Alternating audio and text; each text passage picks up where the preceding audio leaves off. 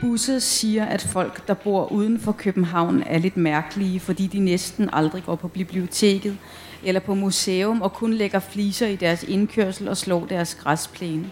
Og mor siger, at busser får stuearrest, hvis hun ikke holder op med at fylde Emma og mig med sit sludder, og at hun desuden hellere vil klippe alle græsplænerne uden for København med en neglesaks, end at tage på Luciana med busser og se på sorte indrammede kvadrater fra før den russiske revolution.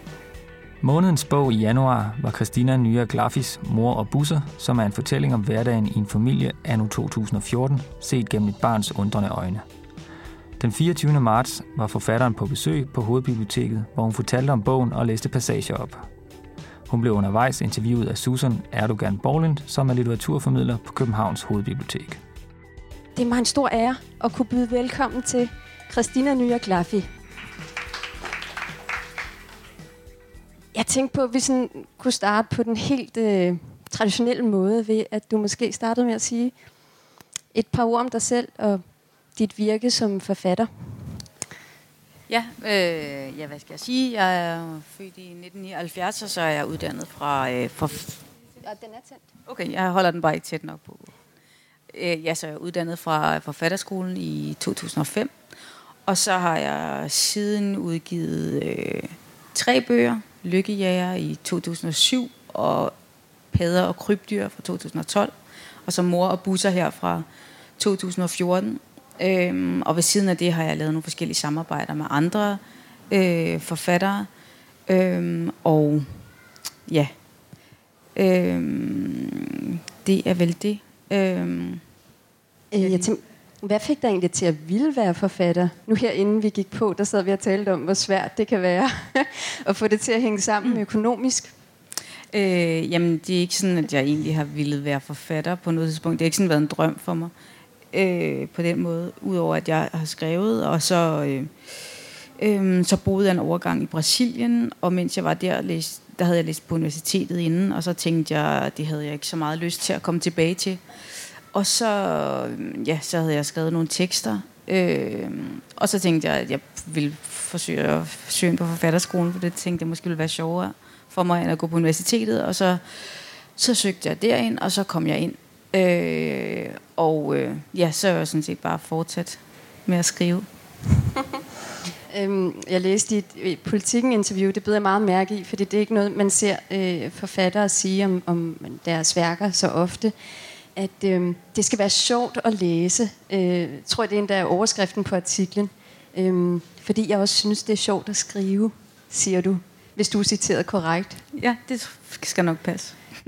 og jeg har tænkt meget over, over lige præcis det, fordi øhm, jamen, hvordan, hvordan foregår processen så sådan konkret? Øhm, øh, ja, nu, altså, nu kommer jeg sidde og ja, øh, lyde som om, at jeg sidder ved at slå mig på loven over min, mit eget arbejde hele tiden. Altså, øh, men altså, jeg synes, det er sjovt at skrive, og jeg synes øh, også, det er sjovt at læse, og jeg øh, synes heller ikke, at... Øh, altså, det er ligesom det, der på en eller anden måde, tror jeg, driver det frem. Det er ligesom øh, det, det, jeg synes, der er sjovt i det. Altså øh, både ligesom processen, som jo også er ikke sjov nogle gange, øh, og så, øh, ja, så, så har jeg bare, hvad hedder sådan noget, øh, så er jeg bare tilfalds, tror jeg, for et godt grin. Øhm, og, og sådan har jeg det også, når jeg skriver, at jeg ligesom synes, at... Øh, ja, at det er det, der ligesom får mig til at få lyst til at skrive. Det er ligesom også, øh, hvad kan man sige, humoren, eller øh, det er på en eller anden måde bare det, der, det, der driver det frem, tror jeg. Øh, og det kan jo være mange andre ting, altså øh, det, kan også, det er også andre ting end humor. Nogle gange kan det også være sådan indignation, eller vrede, eller alle mulige andre ting, men det tror jeg ligesom er en gennemgående ting, det der med, at jeg synes, at øh, jeg synes, det skal være sjovt. Det synes jeg ikke nødvendigvis, at alle at alle skal skrive på den måde, men, øh, men det er i hvert fald det, der ligesom fungerer for mig. Og det der er i høj grad også øh, brug for, synes jeg, i, i det litterære landskab. Øh, en, en øh, sjov stemme. Og, og humoristisk må man, det sagde jeg jo også lige i indledningen, må man jo sige, at den her bog er. Øhm, kan du fortælle lidt om, om handlingen til, til de af jer stakler, som ikke har læst den endnu? ja, altså Mor og Busser, den handler om Mor og Busser, som er to kvinder, øh, der har to børn sammen. Øh, to tvillingepiger. Emma, og så mig, som er fortælleren i bogen. Øhm, og mor og Busser, de bor på Nørrebro i en andelslejlighed. Og, øh, øh, og så, øh, hvad kan jeg mere sige? Så har de øh, to sæt forældre, øh, bedstemor og bedstefar, og mormor og morfar. Øh, det er jo det ene, den ene tvillingepige, som er fortællerstemmen i bogen, kan man sige. Måske sådan lidt en blanding øh, af det af, øh, den ene tvillingepige, og måske også busser, eller busser får i hvert fald ret meget øh, taletid, kan man sige, øh, i bogen.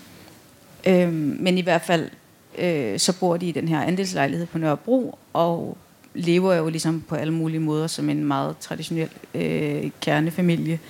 Øh, ja, udover det faktum, at de så er, er to kvinder, der bor sammen. Øhm, og så er der også i bogen øh, Bent, som er mors storebror, som er sådan lidt en øh, lidt til en side, kunne man sige. Øhm, ja, altså der sker jo ikke rigtig noget i bogen. Altså, øh, så, så jeg ved ikke, om det giver mening med et handlingsreferat. Øh, altså, den er jo ikke sådan bygget op. Øh, det er ikke sådan, at man sidder øh, og bliver blæst tilbage af sådan øh, spændingskurver og, og sådan begivenheder i løbet af bogen. Det er jo bare sådan en tale, en, en lang talestrøm, kan man sige, eller, eller øh, hvad kan man sige, sådan en dækket øh, dialog mellem mor og busser, mest af alt. Øh, så, som, så barn, som barnet refererer. Så barnet refererer, ja. Så på den måde er det jo ikke ligesom sådan, er der ikke nogen, nogen egentlig handling, udover at, at, øh, at der bliver rullet en eller anden form for familiehistorie op, kan man sige. Ikke? Altså, der er en, det, den består ligesom af en, udover de her dialoger, består den af, af også sådan, hvad kan man sige, små referater af alle mulige familieanekdoter og øh, små skænderier og øh, drillerier mellem mor og busser.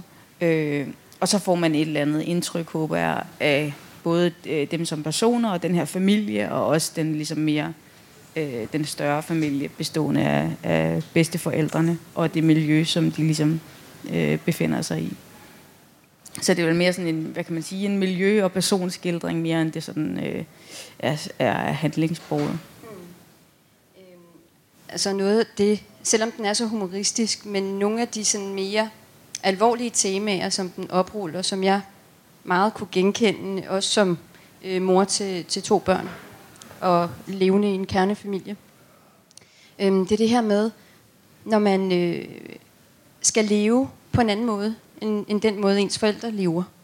Øh, og hvad pokker gør man så? Øhm, og jeg var faktisk slet ikke øh, forberedt på øh, at, at, at blive så involveret i de her øh, øh, hvad kan man sige, hverdagsdramaer, fordi jeg er typen, der læser fantasy og krig og fred eller et eller andet, hvor der er en masse ramachan, og der sker en masse, og sådan noget parforholdsnået, det, mm. det er jeg ikke lige i målgruppen for, troede jeg. Men, men her var rigtig mange ting, jeg kunne genkende, øhm, og, og, og hele det der univers mellem mor og busser, oplever vi jo alle sammen, som er et parforhold, der varer over længere tid, og hvor udfordrende hvor udfordrende det i virkeligheden er. Øhm, jeg ved ikke rigtigt, om det var et spørgsmål. Det var, ja, men... Nej, men det er da rigtigt, at, altså, at, øh, at det er de her små hverdagsdramaer. Altså, og, og jeg synes heller ikke måske, at sådan, øh, det er jo ikke fordi, at der ligesom mangler øh, skildringer ligesom af, af, af kernefamilien egentlig. Øh, det her det er så måske en på nogen måde lidt anderledes øh, kernefamilie. Øh,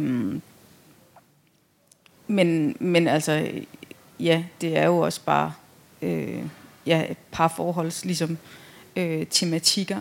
Og man kan sige, det, det er jo i sig selv rimelig øh, dødssygt. Altså, som udgangspunkt. Øh, og jeg tror også, det er derfor, der er den her ligesom, øh, barnefortællerstemme, fordi at, ja, det er ligesom trængt til et eller andet... Øh, til et eller andet frisk pust, måske hvis man skulle kunne tåle at høre mere om, øh, øh, om parforholds konflikter, så det er sådan, har jeg prøvet at strø lidt sukker på med den der barnestemme. Det er interessant, det er jo også det med farrollen. Fordi øh, nu, nu lever jeg et heteroseksuelt forhold, men altså det der med, hvem skal være far, det, det kunne jeg da godt genkende. Fordi at, at moderne kønsroller er så meget i opbrud, så det er jo, altså, jo ikke spor anderledes i virkeligheden. Mm. Øh, ja, i hvert fald i mit tilfælde, øh, fra, fra de problemer eller tematikker, vi mm. øh, gennemgår i vores lille familie. Nej, altså nu ved jeg jo selvfølgelig af gode grunde ikke, hvordan det er at leve i en heteroseksuel familie, men altså, jeg kan da sagtens forestille sig, at man har alle mulige forhandlinger om, ligesom øh, rollefordelinger og sådan noget. Øhm, og det har mor Busser også. Øh, man kan sige, der, der står på et tidspunkt, at, at øh, øh, noget i retning af, at, at øh, hjemme hos os er det mor, der er moren og faren, og så Busser, øh, tror jeg, der står noget med en af potteplanterne i vindueskarmen, eller sådan noget. Øh, og det er i hvert fald en tematik, ligesom i det her parforhold, at, at, øh, ja, at der måske er en af karaktererne, der ligesom øh, har påtaget sig begge roller, og så, øh, så ved jeg ikke, om Busser ligesom øh, mere er sådan potteplanteagtig, eller om hun måske mere er, er sådan øh, børneagtig på en eller anden måde. Ikke? I hvert fald en eller anden, øh, en eller anden, øh, ja, ikke sådan, øh, ikke hverken mor- eller faragtig figur, som jo også tematiserer et eller andet, øh, som måske alligevel øh, er mere sådan specifikt for i en lesbisk familie, at at, øh, at der bare ikke er, ligesom, øh, at de her roller ikke er givet på en eller anden måde. Øhm, og, øh, og hvis man hverken øh, føler sig som moren eller faren, hvad man så, så er man måske, ja, så man måske busser eller et eller andet. Øh. Men årsagen til, at det er relevant, det er jo netop fordi, at man, i hvert fald mange vil være, øh, selv er opvokset i heteroseksuelle mm. familier, og så tager de mm. familiemønstre med Ja, i det er jo enormt familie. svært, ligesom, altså, når man har, øh, eller det er i hvert fald en udfordring, ikke? Altså, vi er jo øh, øh, begge to opvokset ligesom i, øh, i heteroseksuelle kernefamilier, har ikke ligesom andet, øh, andet at referere til. Øh, det vil sikkert være anderledes øh, for mine børn, øh, der på en eller anden måde har, har nogle andre referencerammer. Det må de jo det må de fortælle om på et tidspunkt. Øh, jeg ved jo øh, ikke noget om, hvordan det er at være barn ligesom i en lesbisk kernefamilie. Men i hvert fald som voksen, så har man jo, øh, som man i hvert fald øh, oftest ligesom vokset op i et heteroseksuelt parforhold. Så det kræver jo på en eller anden måde, og det gør det sikkert i alle mulige forhold, øh, en enorm ligesom, øh, bevidsthed, hvis man har tænkt sig at gøre noget, der er bare en lille smule anderledes, fordi sådan, vi er jo så, så dogne anlagt, at vi helst ligesom, øh, repeterer ting, fordi det er bare, øh, det kræver bare lidt... Øh, lidt, ja, lidt tankevirksomhed og energi, ligesom at gøre noget andet, og det er man jo tilbøjelig til, især måske, hvis man er travlt optaget af blæskifter og sengetider og sådan noget, så har man måske ikke så meget tid til at genopfinde ligesom en eller anden, øh, en eller anden ny identitet, så så vil det sikkert være, øh, være lettest bare ligesom at falde ind i, i nogle roller, som man selv er vokset op i. Jeg glemte for øvrigt at sige min øh, øh, introduktion, at I bare kan stille spørgsmål undervejs. Det håber jeg, I, I endelig vil, vil gøre. Øhm. Nu talte vi øh, parforhold og, og, og hverdagsdrama. Men jeg vil nok sige, som hverdagsdialog betragtet, er det, det, det er en familie, jeg godt selv vil vokse op i, vil jeg sige. Der, altså, det er jo virkelig morsomt. Øhm, og jeg tænkte på, om du måske kunne give en... Øhm, en smagsprøve på... Det vil jeg gerne. På, ja. Ja, jeg vil læse et par øh, små kapitler op fra bogen. Øh. Busse siger, at folk, der bor uden for København, er lidt mærkelige, fordi de næsten aldrig går på biblioteket eller på museum og kun lægger fliser i deres indkørsel og slår deres græsplæne og mor siger, at busser får stuearrest, hvis hun ikke holder op med at fylde Emma og mig med sit sludder, og at hun desuden hellere vil klippe alle græsplænerne uden for København med en neglesaks, end at tage på Luciana med busser og se på sorte indrammede kvadrater fra før den russiske revolution. Det vil Emma og mig også hellere. Især hvis vi fik lov til at bruge morfars havetraktor. For ude på Luciana keder man sig ret meget, selvom man kan få varm kakao i caféen, efter at man har tegnet og limet papfigurer inde i børnehuset. Busser siger, at man bør foretage sig noget kedeligt hver uge for at gøre sig fortjent til sit fredagslik. Og mor siger, at hvis Emma og mig engang vil gøre os fortjent til en kæmpe stor pose fredagslik, hvor man gerne må vælge af det med kunstige farvestoffer i, så skal vi tage med busser hen til noget, der hedder digtoplæsning, som er et mørkt rum med nogle generede mennesker, der mumler noget ind i en mikrofon. Men så siger Busser, at der er nogle ting, der er så kedelige, at man alligevel ikke skal gøre dem, fordi man så risikerer at dø af kedsomhed og gå glip af alt det fredagslik, man ellers havde gjort sig fortjent til. Dengang Busser var lille, kede hun så så meget, at det er et under, hun stadig er i live. Hende og bedstemor og bedstefar boede næsten på landet, og det eneste, man kunne lave, var at gå tur ved vandet og lege med naboens tykke pige og hendes møgforkælede lillebror, og man havde ikke engang sit fredagslik at se frem til. For dengang troede man, at børn kun måtte spise fine pålæg og rosiner og tørrede bananer i skiver. Man kunne heller ikke få pizza og bøger og cola. Kun brune ris og hjemmebagte boller og uhomogeniseret mælk med fedtklumper i. Til børnefødselsdagene måtte man højst få et stykke gulerodskage, og hvis man endelig fik en slikpose, havde de voksne puttet så mange mandariner og rosinpakker i den, at man ikke kunne finde vingummierne og lakridserne. Man havde heller ikke Playstation og Wii og SingStar. Man havde ikke engang en computer eller en mobiltelefon, og der var kun et børneprogram i fjernsynet, og resten af tiden skulle man lege med kastanjedyr og grænkogler ude i haven, også når det regnede. Dengang var de voksne nemlig noget, der hed hippier, som gik ud på, at de skulle have langt fedtet hår og bruge alle deres penge på kurser i noget, der hedder selvrealisering, som er et svært ord, der betyder, at de voksne skulle sidde og pille sig selv i navlen og i numsen på en gård i Jylland, mens de drak urte til at komme længere og længere ind i sig selv, indtil de kom tilbage mandag morgen og tog på arbejde. Busser siger, at sådan et kursus er det dummeste, man kan bruge sine penge på, næst efter at skylle dem ud i toilettet. Alligevel synes de voksne dengang, at det var meget spændende, og en dag, hvor bedstefar havde været for længe på gården i Jylland, kom han hjem og troede, at han kunne helbrede folk med sine hænder, eller i hvert fald fjerne deres hovedpine, hvis han holdt dem på panden, lidt ligesom Jesus. Efter den dag skulle busser nogle gange ligge på en madras på gulvet med lukkede øjne hjemme i bedstemors og bedstefars stue, mens bedstefar holdt sine hænder oven over hendes mave og fjernede noget, der hedder dårlige vibrationer, som er nogle usynlige stråler, folk med fis i kasketten tror på. Der er mange, der mener, at vi mennesker bliver klogere og klogere, jo længere tid der går, siger busser. Altså sådan, at de mennesker, der boede i huler og spiste sabeltiger for lang, lang tid siden, var de dummeste, og at os, der lever på jorden i dag, er de klogeste. Busser er tilbøjelige til at give dem ret, men der er to huller i teorien, siger hun, og det ene er Bent, og det andet er dengang med hippierne og kurserne i Jylland. Så får I lige lidt mere. Da Bent var lille, boede han nogle gange over hos en anden familie i weekenderne, fordi han tit klippede håret af mors Barbie-dukker, eller satte sig oven på naboens kat, så den ikke kunne trække vejret. Mor siger, at den dag hun kom over i laden, havde Bent sømmet en skrubtusse fast til dartskiven og kastet med pile efter den, så dens indvolde til sidst var splattet ud over hele skiven.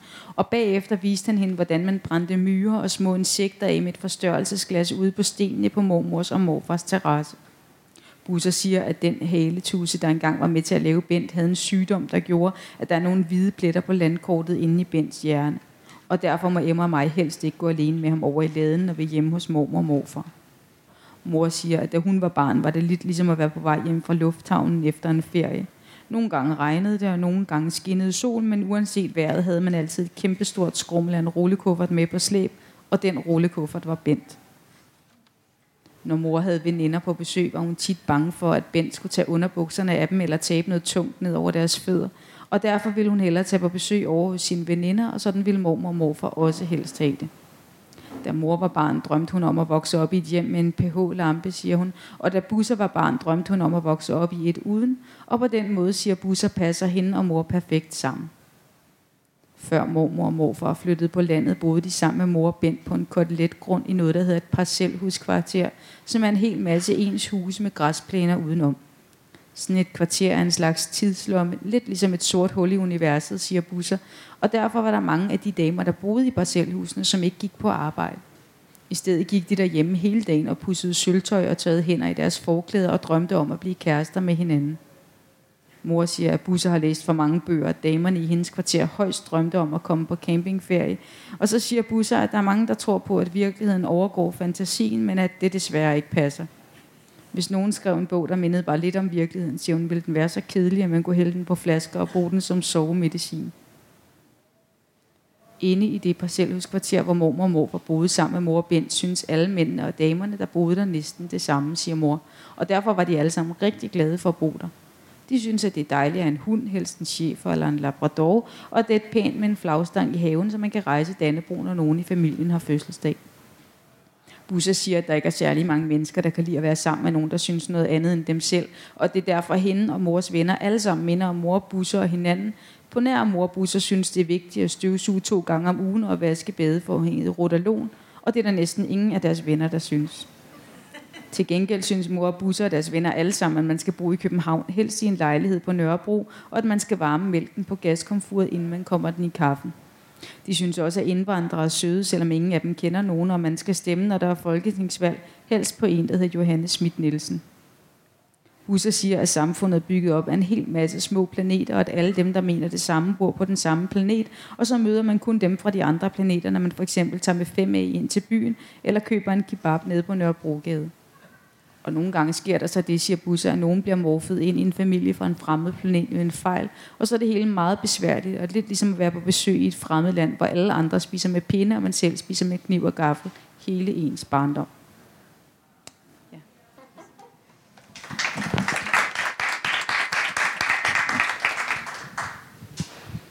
Øh, det, det blik, mor og Busser har på deres øh, forældre og deres familie, øh, det er så ætsende satirisk, at det, som vi forstår ved det normale, det faktisk fremstår øh, bizart. Øh, hmm. det, det må være en helt bevidst fremskrivning eller eller øh, jamen det er jo rigtigt nok ligesom altså at de de begge to ligesom øh, forholder sig ret øh, sådan distanceret til hver deres de kommer jo til for ret det er også en del af tematikken ikke for ret forskellige miljøer eller forholdsvis forskellige i hvert fald altså Øh, mor kom, mors forældre kommer vel fra sådan en øh, lavere øh, middelklasse, og Bussers forældre kommer fra en eller anden øh, øh, øh, noget lidt højere øh, middelklasse. Øh, så det kunne selvfølgelig alligevel være mere forskelligt. Men ikke desto mindre, så er det ligesom et tema i bogen, at de ligesom kommer fra de her forskellige miljøer. Øh, og der er ikke rigtig nogen af de miljøer, der bliver fremstillet specielt ligesom, øh, attraktivt øh, af mor, hverken mor eller busser. Øh, men det er jo rigtigt nok, at, øh, ja, at noget af humoren selvfølgelig opstår ved, at det ligesom kommer til at fremstå helt, øh, helt bizart, ligesom, øh, øh, at leve på den her måde, som, som jo trods alt langt de fleste mennesker lever på. Men det hænger jo også sammen med, hvad kan man sige, den fortællekonstruktion, der er, at barnet jo ligesom er vokset op i et helt andet miljø, ligesom. Øh, så det er vel en eller anden forestilling om, øh, hvordan det må... Altså, man kunne jo godt forestille sig for et barn, der er vokset op i en lesbisk kernefamilie på Nørrebro, så fremstår det eksotisk på en eller anden måde øh, at bo i Parcelhus kvarter øh, i provinsen. Øh, så øh, ja, så det er vel den idé. Ja. Så selvom at der øh, står, at det er en romantisk komedie, mm-hmm. jeg tænkte meget, satire, mm. øhm, er virkelig det er det jo også. dækkende. Ikke? Mm. Og hvor, ja, hvordan skal jeg udtrykke det? Øhm, det er jo på en måde, altså ikke et angreb, angreb det er et meget hårdt ord, mm. men, men du går ind og, og øhm, retter dit, øh, din linse mod en form for småborgerlighed. Mm. Øhm, Som men, men, mor Busser jo i høj grad også selv praktiserer, kan man sige. Ja, fordi det er så også nogle af de lag, mm. øhm, som jeg rigtig godt kan lide i bogen. Det er ikke en entydig øh, positionering, mm. man ser. Øhm, ja. Jamen, altså, det er jo... En åbenhed er der øh, det er i, i hvert fald, altså, det er jo også et, et af temaerne, det er jo ligesom, at ja, der er den her enorme, ligesom sådan, øh, øh, hvad hedder sådan noget, afstandstagen, eller i hvert fald sådan forholde sig kritisk til sådan småborgerlighed, samtidig med, at at hele den konstruktion, som, som, som den her familie er skabt omkring, jo ikke er andet end ligesom øh, øh, en, en eller anden afart af det samme øh, øh, i bund og grund. Altså, så det er jo selvfølgelig, øh, altså, så, så der kommer nok også sådan en del øh, altså selvevni, altså fra mor Bussers side, fordi at, at der er grænser for, hvor, hvor kritisk det, det giver mening ligesom at forholde sig til noget, man selv gør. Øh, eller det kræver i hvert fald på en eller anden måde en eller anden form for selvevni jo. Øh, og det har jo også været øh, et diskussionsområde inden for, hvad kan man sige, regnbue, mm. øh, i, i regnbuefamiliediskussionen, mm. ikke? Altså, hvordan man egentlig øh, ender med måske at reproducere nogle, nogle heteronormative øh, mm. Øh, adfærdsmåder, selvom ja, man ikke klart, står ligesom og har mulighed for at gøre ja, noget andet, ikke? Ja, helt klart. Altså, hele familien er jo ikke, det er jo i hvert fald ikke det lesbiske miljø, eller det homoseksuelle miljø, der har opfundet den Det er ganske givet jo. Altså, så det er jo på en eller anden måde øh, ja, en eller anden overtagelse ligesom, af en eller anden norm, øh, som nogle andre har fundet på. Øh, og det, det kan man da godt øh, tænke sit om. Det er der også mange, der gør. ja, der er nogle livlige diskussioner, øh, har jeg indtryk af. Øh, mm. Også nu, hvor at øh, regnbuefamilier sådan set ikke er noget nyt fænomen, mm. øh, har eksisteret. Mm. Øh, i hvert fald i sådan en officiel, øh, hvad kan man sige, form. Der er i hvert fald også det i det, ligesom, ikke? at det er enormt det er jo en, det er jo en, øh, det er jo en, i hvert fald en, en det er jo en, det er jo en let ligesom, øh, familieform ligesom at omfavne, fordi den jo netop ligesom er en, en repræsentation af noget genkendeligt, så der er jo ikke så mange, så mange ben i, ligesom, øh, øh, altså, øh, jeg som lever i en lesbisk kernefamilie, øh, møder jo ikke øh, øh, nogen form for, ligesom, eller i hvert fald meget, meget få, ligesom, øh, jeg ved ikke, om man skulle kalde det fordomme, eller, eller en eller anden form for sådan, at blive taget afstand til tværtimod. Ikke? Så det er jo en meget let, både fordi at vi er jo vant til ligesom i vores samfund, at det er kvinder, der tager sig af børnene, så nu er der så to kvinder, der tager sig af børnene. Det, er jo, det, det giver jo meget god mening. Ligesom i de fleste heteroseksuelle familier, så er det trods alt stadig kvinderne, der mest tager sig af børnene. Så to af dem, det kan vel ikke ligesom øh, være så farligt. Øh, og desuden så er det jo også en eller anden, altså så kan man sige, så ligger der jo også i det der med at leve øh, øh, på en anderledes måde, eller have en, en anderledes seksualitet, at det er en eller anden form, det kan man jo godt øh, måske som majoritet føle, at det er sådan lidt at blive vendt ryggen. Men når der så er nogen, der kommer og siger, sådan, det er muligt, at vi ligesom har en anderledes seksualitet, men vi vil gerne præcis det samme som jer, så er det jo klart, sådan, så bliver man jo glad, ligesom, øh, at det, det er da dejligt, at der er nogen, der synes, at den form, som man ligesom har opfundet, at den er værd ligesom at, og, øh, at repetere. Mm. Kunne du forestille dig andre øh, familieformer, øh, som, eller alternativer? Øh, ja, altså, ja, det kunne jeg da helt sikkert. Altså, øh, altså der er jo i hvert fald, der er i hvert fald folk, der jo gerne vil lave familie på en, på en anden måde, altså som, hvor man for eksempel gerne vil have flere øh, forældre til børn, ikke? Øh, man kunne forestille sig øh, for eksempel et lesbisk par og et bøsepar, der ligesom øh, fik børn sammen. Det er jo, det er jo forholdsvis almindeligt. Øh, men det er jo netop så ikke en familieform, som bliver genkendt af, hvad kan man sige, øh, hverken ligesom, i hvert fald ikke lovgivningsmæssigt. Øh, øh, så, så det er da klart, at, øh, at sådan en traditionel lesbisk kernefamilie, eller hvad man skal kalde det, er jo helt klart mere genkendelig end en, hvor man for eksempel gerne vil have øh, ja, hvor man måske er tre eller, eller fire forældre øh, til børnene. Øh, så det, de, sådan en familie står der med nogle andre udfordringer, mm. helt sikkert. Mm. Øh, og det synes jeg da bestemt, at, at man ligesom skulle... Øh, altså ja, i højere grad ligesom tænke, at lovgivningen må sikre de familieformer, der er, frem for ligesom at, øh, og ligesom forsøge at regulere, øh, hvordan man gerne vil have, at en familie ser ud. Mm. Skal være Jeg kunne godt tænke mig, at du fortalte lidt mere om busser. Øhm, og jeg kommer til at tænke på, på, på hende, fordi at hun jo har den her lidt, jeg ved ikke om misantropiske øh, livsstemning øh, er, er det ret, rette ord, men et søgende menneske. Mm. Øhm, hvorfor, hvorfor kalder du hende busser?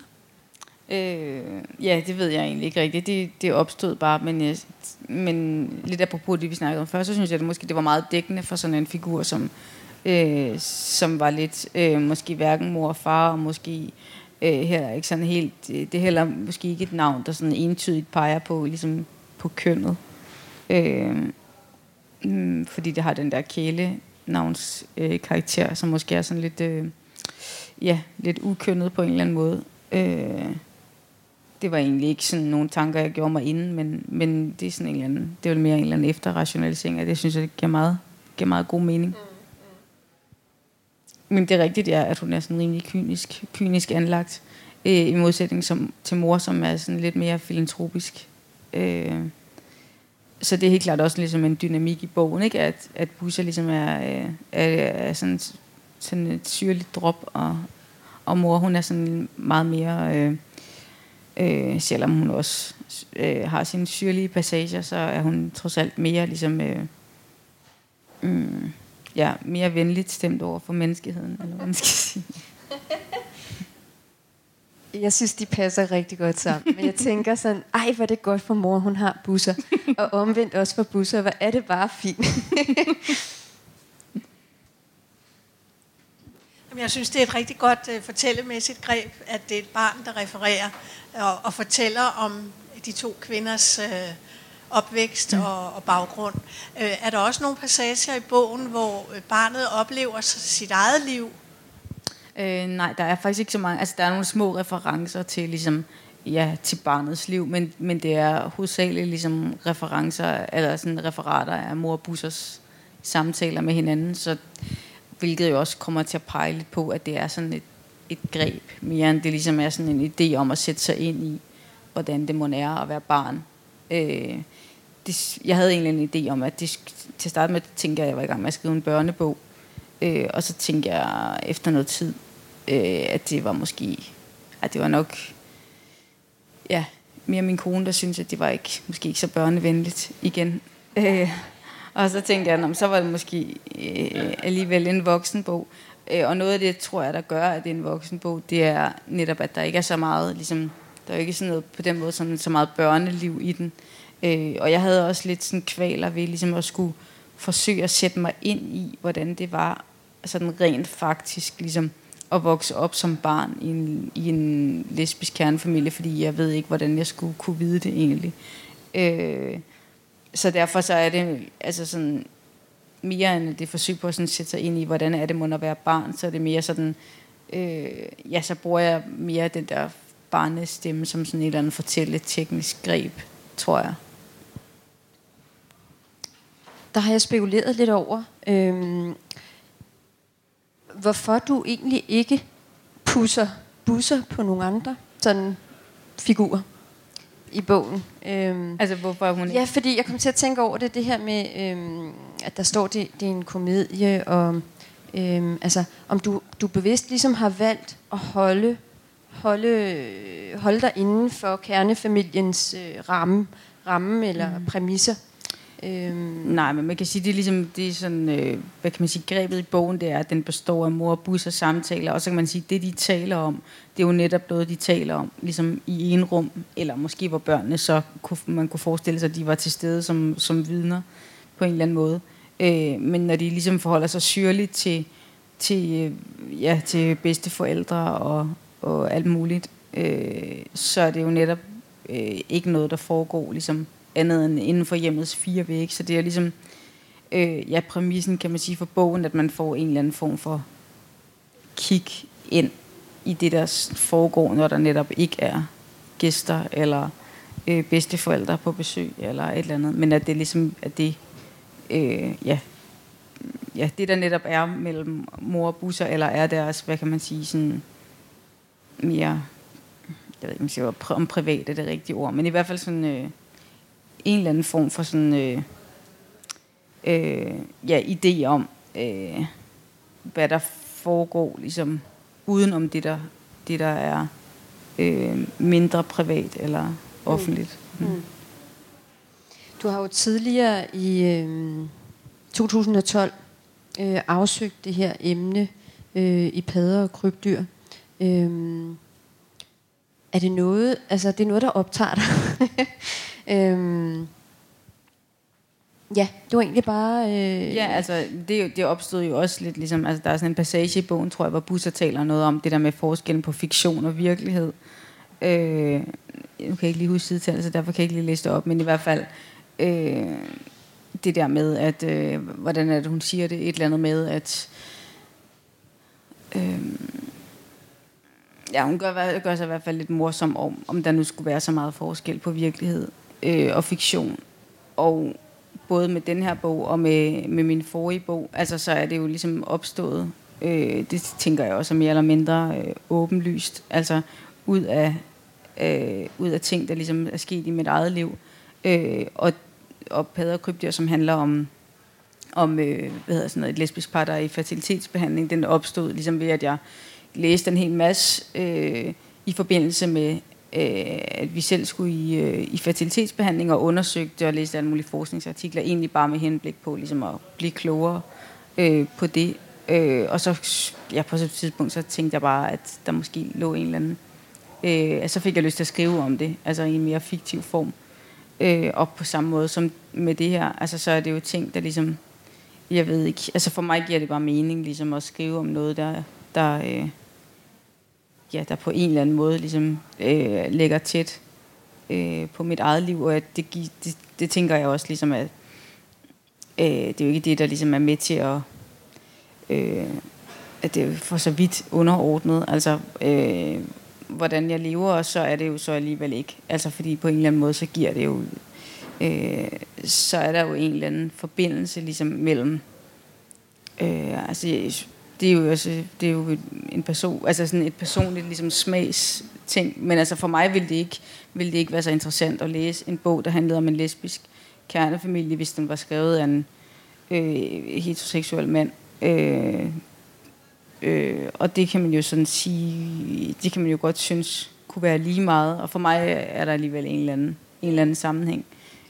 Det forholder du dig også til. Øh, hvor er det nu, det står? Øh,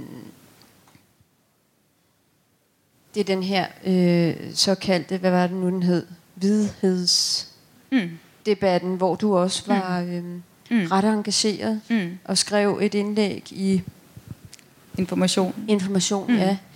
Ja, men øh. det er selvfølgelig altså sådan, nogle af de tanker, ligesom at øh, det er jo ikke fordi, at det, at det er sådan, øh, at der er, er ting, det, det er forbudt at forholde sig til for nogen mennesker overhovedet.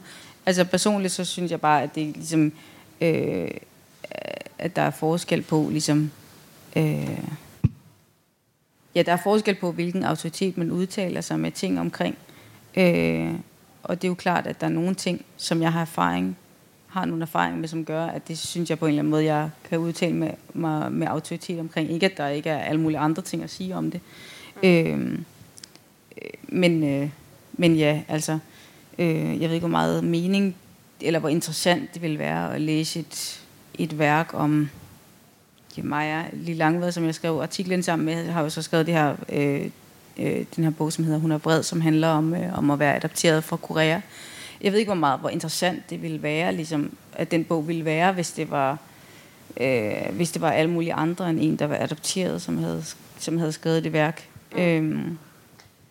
Det kan du sige, men, men noget andet er så, øh, den, der læser det, og det er jo mm. der, hvor der var nogen, der mm. øh, måske også misforstod mm. øh, øh, dit synspunkt. Mm. Ja, ja, fordi selvfølgelig, altså, altså det, jeg, ved, jeg ved ikke, hvordan det opstod, den der misforståelse med, at man så også, altså, at man så også kunne kunne læse ting, hvis man så også øh, øh, at man kunne kunne læse om lesbiske, hvis man var lesbiske, det, det har jeg aldrig nogensinde forestillet mig. Ellers ville det også være sjovt, ligesom at udgive en bog. Øh, ellers så kunne jeg jo lige så godt udgive den på et meget mere specifikt forlag i hvert fald. Jeg ved heller ikke, hvornår nogensinde øh, altså boghandlere har været specielt. Øh, eller sådan, hvordan der, der er jo ikke sådan... Øh, man kan jo ikke forhindre folk i at læse ens bøger. Det er jo netop det, der er ideen med dem. At de ligesom er offentlige, offentligt tilgængelige. Øh, og det er vel derfor, man skriver dem. Men der er bare forskel på, med hvilken autoritet man kan udtale sig om forskellige ting.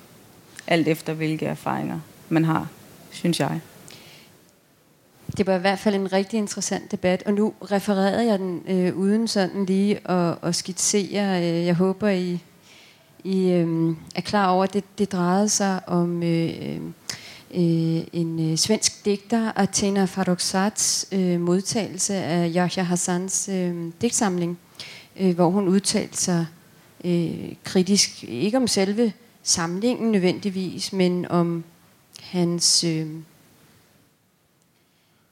hans havnen i en debat, hvor hans, hans øh, digte kan, kunne blive taget til indtægt for noget andet, mm. end øh, hvad han måske oprindeligt havde ment. Mm. Jeg synes, det var en rigtig spændende debat, øh, hvor litteraturen ligesom øh, kom lidt ud af reservatet, og, øh, og det blev tydeligt, hvor, hvor, øh, hvor meget sproget betyder også i vores øh, øh, samfundsdiskurser eller samfundsdebatter. Mm. Øh, så det synes jeg var rigtig spændende øh, at følge på sidelinjen i hvert fald. øhm, jeg tænkte inden, at, at øh, du måske læser lidt mere op, øh, kunne jeg godt tænke mig at spørge, øh, hvad du, om du arbejder på, på et nyt værk? Øh. Øhm, ja, så småt gør jeg. har, øh, ja, det er jeg ikke, ikke langt med det nu, men øh, jeg har i hvert fald planer om, nu må vi sige, se om de bliver realiseret eller ej med øh, en, øh, en morbusser 2. Det ligger jo lidt i den der børne, børnebogsgenre, at der godt kan være sådan øh, øh, flere bøger i samme serie. Så det tænkte jeg, øh, at, øh, at, øh, ja, at der skulle være en toer. Det vil vi glæde os til. Er der nogle spørgsmål? Så vil jeg... Så læser jeg. Emma har hørt mor sige, at julen skulle forbydes. Men Busser siger, at mor ikke mener det. Det mor mener, siger Busser, er, at hun ville ønske, at jorden gik under, og at vi så skulle holde jul et andet sted, hvor der var rigtig rart og fyldt med blomstrende kirsebærtræer, lidt ligesom i Nangiala så skulle vi alle sammen sidde ude i haven, og der skulle være kulørte lamper i træerne og et bål, hvor man kunne bage snobrød. Og der var kun Emma og mig og mor og busser og alle vores venner og en hule under en stor rosenbusk med fire hvide kaniner, som slet ikke fældede, når man tog dem på skødet. Emma og mig vil gerne have mormor, morfar og bedstemor og bedstefar med, og Busser siger, at det må de også gerne. De skal bare en tur gennem den ildsbyende drages hule og renses først. Busser siger, at de voksne er en slags fantasivæsener, som forandrer sig over tid. Når man er lille, er de sådan nogle store, bløde nogen, som man savner, når man er på lejretur med klassen. Og når man bliver stor, forandrer de sig til nogle underlige stikke javertur, som man ikke kan få til at passe ind nogen steder. Busse siger, at hende og mor også er født med en stikke javertus inden i sig, men at Emma og mig først kan se den om nogle år, når den har vokset så større. Mor siger, at nu behøver vi ikke til sovende på forskud, for det har vi busser til. Og busser siger, at man lige så godt kan forberede sig på det værste. Det er noget, Busser har lært af bedstemor, det er derfor, at Busser bruger alle vores sparepenge på ulykkesforsikringer og kapitalpensioner, i stedet for at tage på ferie for dem eller købe nogle flotte billeder til væggene. Dengang Busser var lille, måtte hun nemlig ikke særlig meget, fordi det var farligt, og man kunne slå sig ihjel eller blive slemt skadet og invalid og bundet til en kørestol resten af livet. Da Busser skulle lære at cykle, lærte hun det for eksempel meget, meget langsomt, fordi hun kun måtte cykle ude på bedstemors og bedstefars græsplæne, hvor det var svært at holde balancen, fordi den var fyldt med muldbarbeskud. Men heldigvis havde en af Busses venner en mor, der var gået fra sin mand, og som havde fået helt kort hår og en sort læderjakke. Og en dag kom hun og hentede Busser og hendes cykel og tog dem med hen til en parkeringsplads i Frederiksværk, hvor Busser kunne trille helt almindeligt hen ad asfalten og falde og slå sine knæ, så det blødte, og den spændende mor med det korte hår blev nødt til at puste og sætte Anders anplaster på.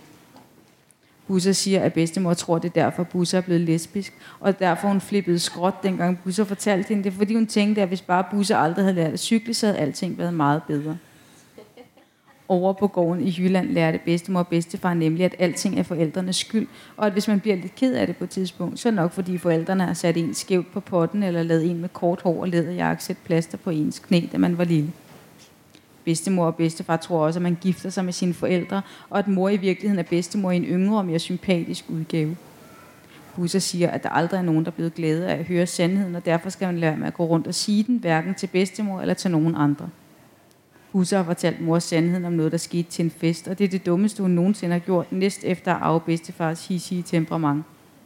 Vi har alle sammen en line inde i os, siger hun, med det rigtige på den ene side og det forkerte på den anden. Og den skal man forsøge at gå stille og roligt henad, uden at snuble og falde ned til krokodillerne i den grågrønne, grumsede limpopo-flod, der løber nedenunder. Desværre er der så bare nogle mennesker, ligesom busser, som er født med et meget dårligt balancepunkt, og som hele tiden står og svejer fra side til side op på linen, og fægter med armene og ikke kommer hverken frem eller tilbage de mennesker må så se at få det bedste ud af det, og eventuelt prøve at nyde udsigten ud over Limpopo-floden op fra linen. Lidt ligesom en fra Grækenland, der hed Sisyphos, som skulle trille en meget stor sten op ad en bakke 117 gange om dagen, og havde det som pesten, indtil en, der hed Camus, sagde til ham, at han skulle lade være med at have sig ondt af sig selv, for vi har alle sammen noget tungt at slæbe på, der er ikke andet at gøre ved det, end at lukke røven og svømme videre.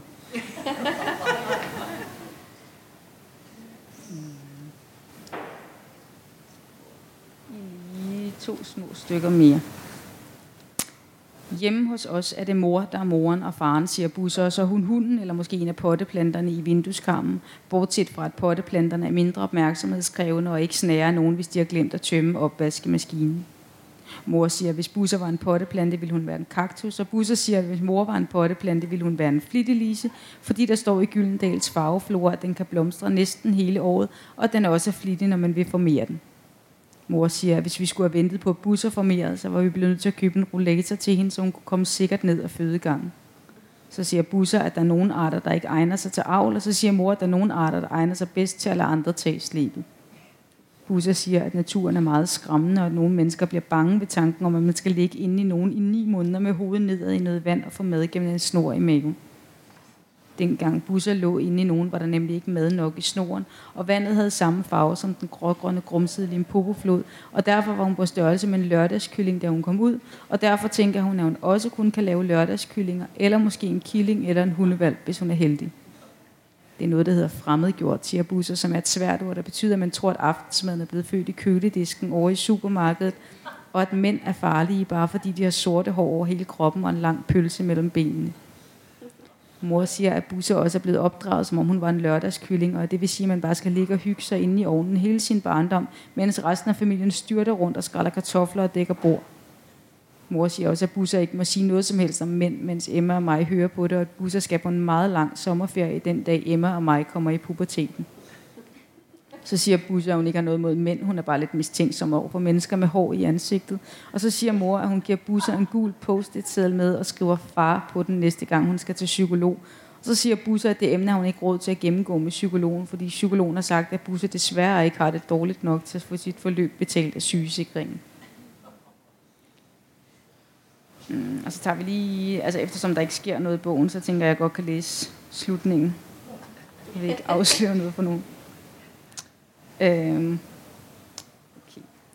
Busser har engang set en udsendelse i fjernsynet om en kvinde, der led af en sygdom, der konstant fik hendes venstre hånd til at gøre det modsatte af den højre.